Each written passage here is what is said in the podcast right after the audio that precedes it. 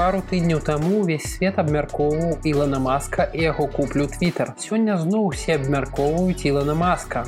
Толькі ўжо не куплю, а яго заяву пра прыпыненне здзелкі. Прадпрымальнік сказаў, што хоча дачакацца падрабязнасцяў, якія пацвярджаюць, што спамавыя фэйкавыя аккаунты сапраўды складаюць менш за 5 процентаў карыстальнікаў. Што гэта? Адмаўленне, торг, прыняцце, гэта пятнічны падкаст еўрарадыё пра важныя, а часам не самыя важныя падзеі ў свеце. Паспрабуем адрывацца ад навін пра вайну і разбяромся ў іншых сусветных інфанагодах.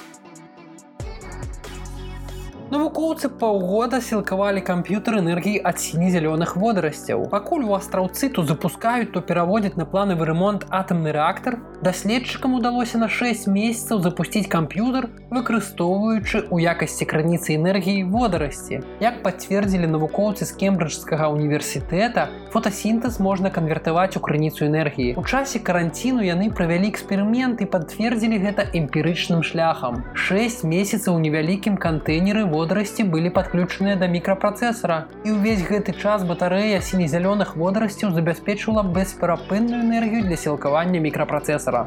Камп'ютар працаваў цыкламі па 45 хвілін.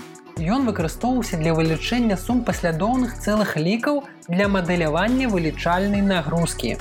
Як кажуць навукоўцы, гэта маленькі крок для навукі, але вялікі крок для чалавецтва. Калі ўсё пойдзе добра, то праз 5 гадоў гэтую тэхналогію можна будзе маштабаваць для побытавых патрэб. Забяспечваць энергіі дамы або нават невялікія прадпрыемствы. На Оскары за лігу справядлівасці галасавалі боты. Цырымонія Оскар сёлета стала асаблівы не толькі таму, што там білі вядоўцаў, але і таму, што ўпершыню гісторыі арганізатары вялі прыз за галасаванне гледачоў. Заходнія журналісты выявілі, што самымі актыўнымі карыстальнікамі, якія галасавалі за лігу справядлівасці, былі боты. Нагадаем, што было на гэтым оскары. У першай намінацыі на думку гледачоў перамагла армія мерцвякоў. У другой сцэна з флешам з лігі справядлівасці. Галасаванне праводзілі ў твітары пры падтрымцы самой сацыяльнай сеткі. Выбар гледачоў выклікаў шмат спрэчак у інтэрнэце. Арганізатары паведамлялі, што, маўляў, мы увялі ўсе меры засцярогі. Адзін аккаунт у твиттера не можа адправіць больш за 20 галасоў, павінен быць створаны не менш, чым за 24 гадзіны да галасавання, але як цяпер выявілася, гэта не спрацавала аналітычныя інструменты для працы з хэштегамі твиттера показалі што большасць тых хто галасаваў былі карыстальнікамі без аватаркі і з адным запісам а яшчэ вялікая колькасць са смеццевым змесцевым у аккаунце. Мабыць логіка тут была такая мы знялі фільм за сотні мільёнаў долараў вы думалі што мы не знойдзем грошы для таго каб купіць галасаванне У Індыі бацькі падалі на сына і нявестку ў суд за адсутнасць унукаў і запатрабавалі вярнуць укладзеныя ў іх грошы. Не паказвайце гэтую навіну беларускім бацькам. Назойлівыя пытанні хутка могуць стаць судовым пазовам. Як гэта адбылось у адной сям'і з індыйскага горада Харыдвар. Там пажылыя бацькі падалі пазоў супраць свайго сына яго жонкі з патрабаваннем на працягу года нарадзіць дзіця або ў адваротным выпадку выплаціць ім кампенсацыю памеры 50 мільёнаў рупій. Гэта больш за 40 мільёнаў рублёў. Вось як ін індыйская пажылая пара паскардзілася ў суд, што забяспечыўшы жыццё сыну нявесцы, яны самі аказаліся ў даўгах. Мы пожертвовали нашими мечтами, чтобы воспитать его. Мы даже взяли в кредит 2 миллиона рупий на его обучение.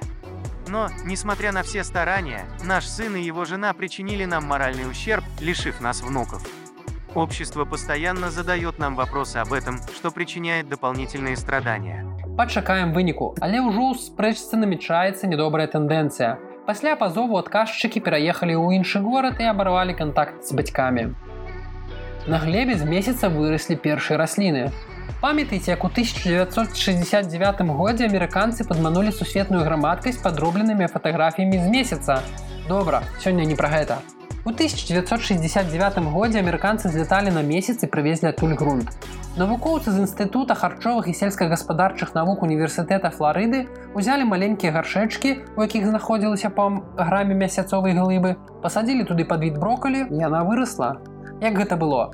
Даследчыкі пасадзілі насенне расліны ў гаршкі з глебай з месяца, імітацыі месяцовага і марсіянскага грунту, а таксама глебай з экстрэмальных асяроддзяў на зямлі. А потым параўналі ўзоры. У рэгаліце брокалі расла павольней. Акрамя таго, чым даўжэй месяцовы грунт падпадаў пад уздзеянне касмічнага выпраменьвання і ветру, тым горш развіваліся расліны. Аналіз ДНК паказаў, што капуста адчувала стрэс. Гэта таксама паводзяць сябе расліны, якія знаходзяцца ў суровых умовах, напрыклад, сяродца ланчакоў. Зноў жа, гэта нічога не азначае. Але становіцца крышку лягчэй думкі, раптам калі ядерная вайна рэальная, то мы можа і зможам пачаць усё нанова, напрыклад, на месяцы. У Японіі былога депутата парламента арыштавалі за спробу бясплатна пракаціцца на цягніку першым класам. У Японіі депутатам прызначаны бясплатны праезд.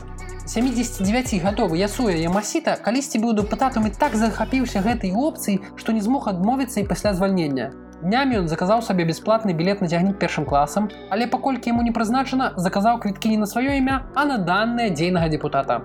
Супрацоўнік чыгуначнай кампаніі вырашыў патэлефанаваць пасажыру удакладней дэталі. Тут усё і выявілася. У тлумачэнні Ясуа сказаў, што яму было складана адвыкнуць ад дзяржаўных прывілеяў, таму ён і звяртаўся да гэтай схемы пенсіянеры арыштавалі. Ілон Маск прыпыніў куплю Twitter. Маск заявіў, што здзелка па куплі кампаніі часова прыпыненая. Ён хоча дачакацца падрабязнасці, якія пацвярджаюць, што спамавыя фейкавыя аккаунты сапраўды складаюць менш за 5 процентаў карыстальнікаў. Раней садсетка адсправаздачылася, што фейкавыя і спам-аккаунты складаюць менш за 5 процентаў яе манетызаваных штодзённых актыўных карыстальнікаў у першым квартале 2022 года. Усяго яна паказвала рэкламу 229 мільёнам карыстальнікаў. І тут усё добра, але баімся, што калі пачнуць лічыць расійскі і беларускі сегмент, здзелка дакладна адменіцца. Ну што, мы сёння зноў не ўклаліся ў 5 хвілін, але расцэньвайце гэта як дэманстрацыю нашага жадання правесці даўжэй часу з вами. Кожную пятніцу слухайце падкасты еўрарадыё, каб ведаць пра самыя важныя навіны свету. А калі ў вашым жыцці не хапае добрых навінаў, тады абавязкова даслухвайце нашыя падкасты да канца.